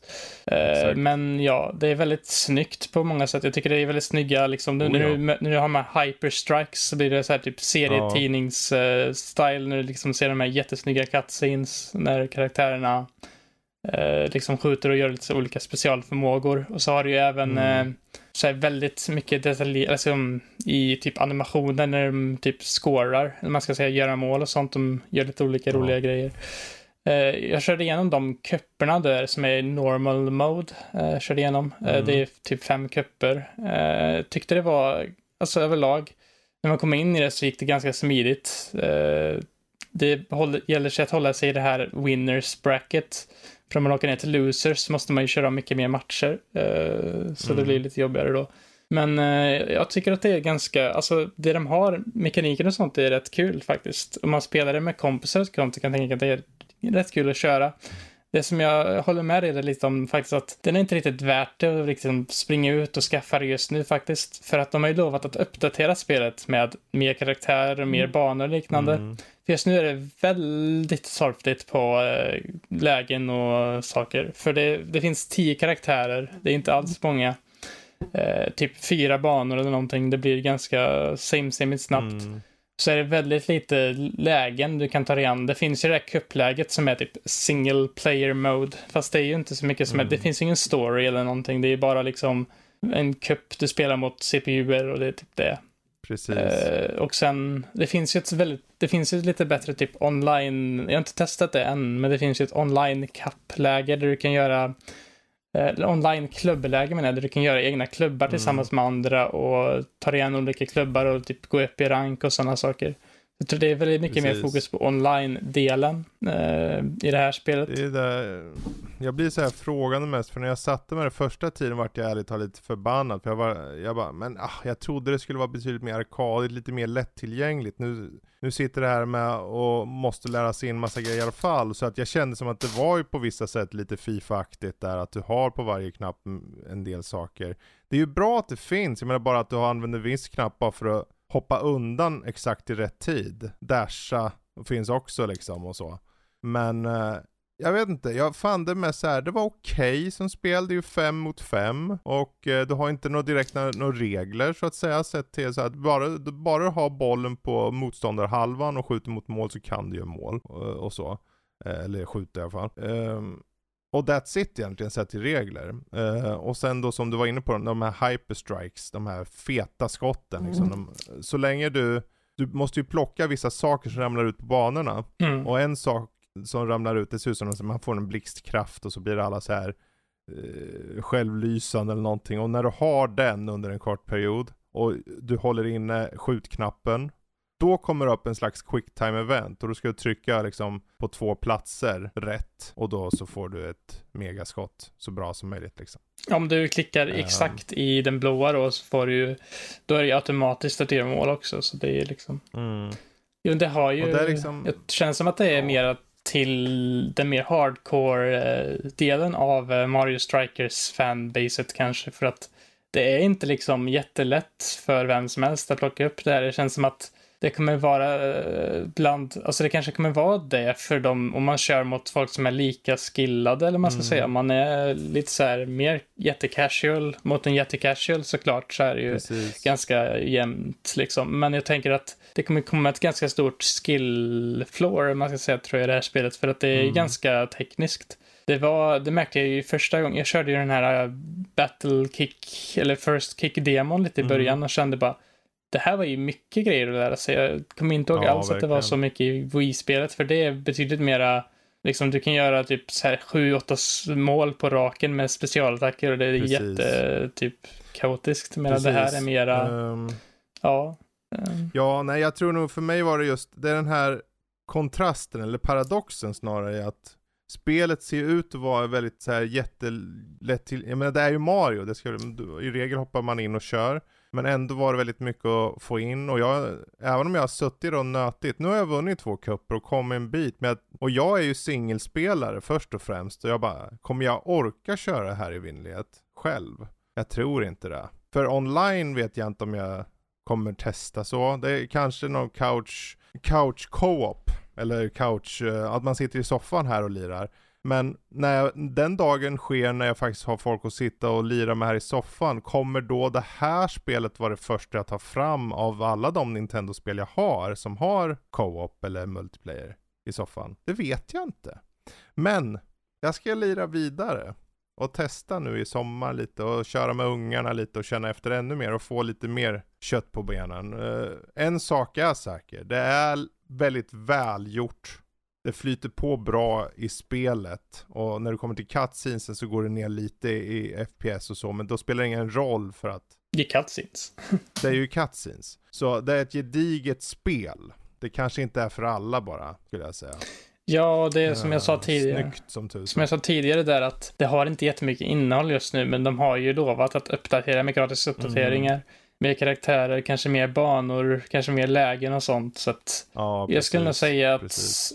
Inte för att det, inte för att det är priset som gör att det kanske inte är liksom värt, utan det är liksom om du känner att du vill ha kanske mer fulländat spel så kanske ändå är värt att vänta en liten stund för att just nu har det kanske inte all content det egentligen ska ha, känner jag. Det känns som mm. att det är lite mm. väl lite på launch egentligen, kanske. Exakt.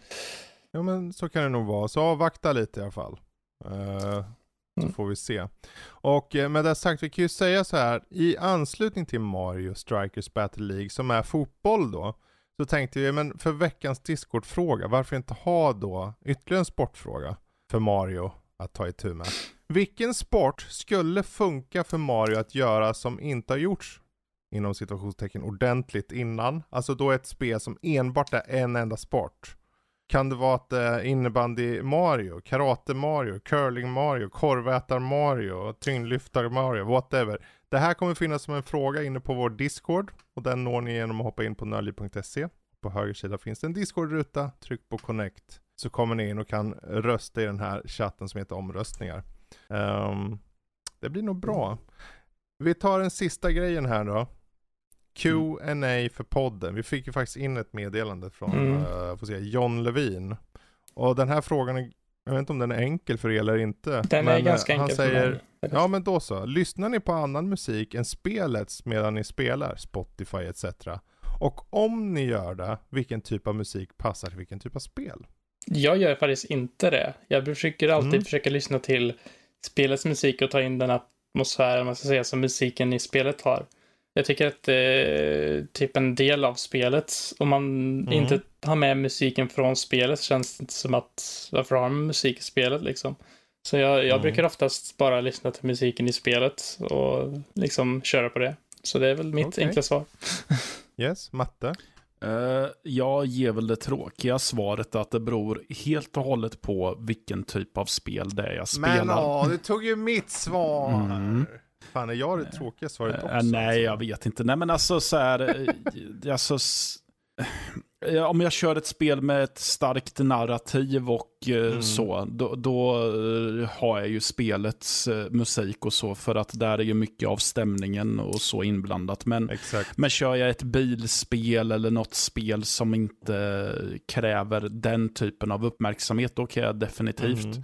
lyssna på musik och eh, alltså, ja, det är väl poddar också jag kan lyssna på förvisso. Absolut. Men eh, ja, nu var det ju just specifikt frågan om musik och då är det ju bara vad jag är sugen p- Mm. på att lyssna för tillfället. Och, men eftersom att det är jag så då blir det väl gärna någon metal eller punk vanligtvis. Mm. Mm. Precis. Mm. Ja, för mig är det ju precis som dig där, det är väldigt varierat. Mm. Eh, det beror på vilket typ av spel. Överlag så kan jag säga, rent generellt tror jag alltid ner volymen på musiken i spel, oavsett spel. Mm. drar jag ner eh, volymen. Jag, ska, jag tar inte bort den, men jag har den väldigt låg. Så att om det är något vid sidan om så kan jag liksom eh, sätta igång något annat om det skulle viljas. Men det är ju som sagt, om jag kör så här Tower Defense eller något, jag behöver inte sitta och lyssna på den där jävla musiken om och om igen. Utan då, då, då stänger jag bort musiken helt och sen så kör jag på gång en podd eller eh, musik. Och om jag kör musik, det blir blandat. På sistone har det blivit Millencolin, det har blivit Mm. Synthwave. Någonting som står och pumpar på bra, bra Ja. ös i bakgrunden. har varit lite lokalpatriotisk där alltså i och med Millencolin. Ja. Precis, precis. Eh, så är det.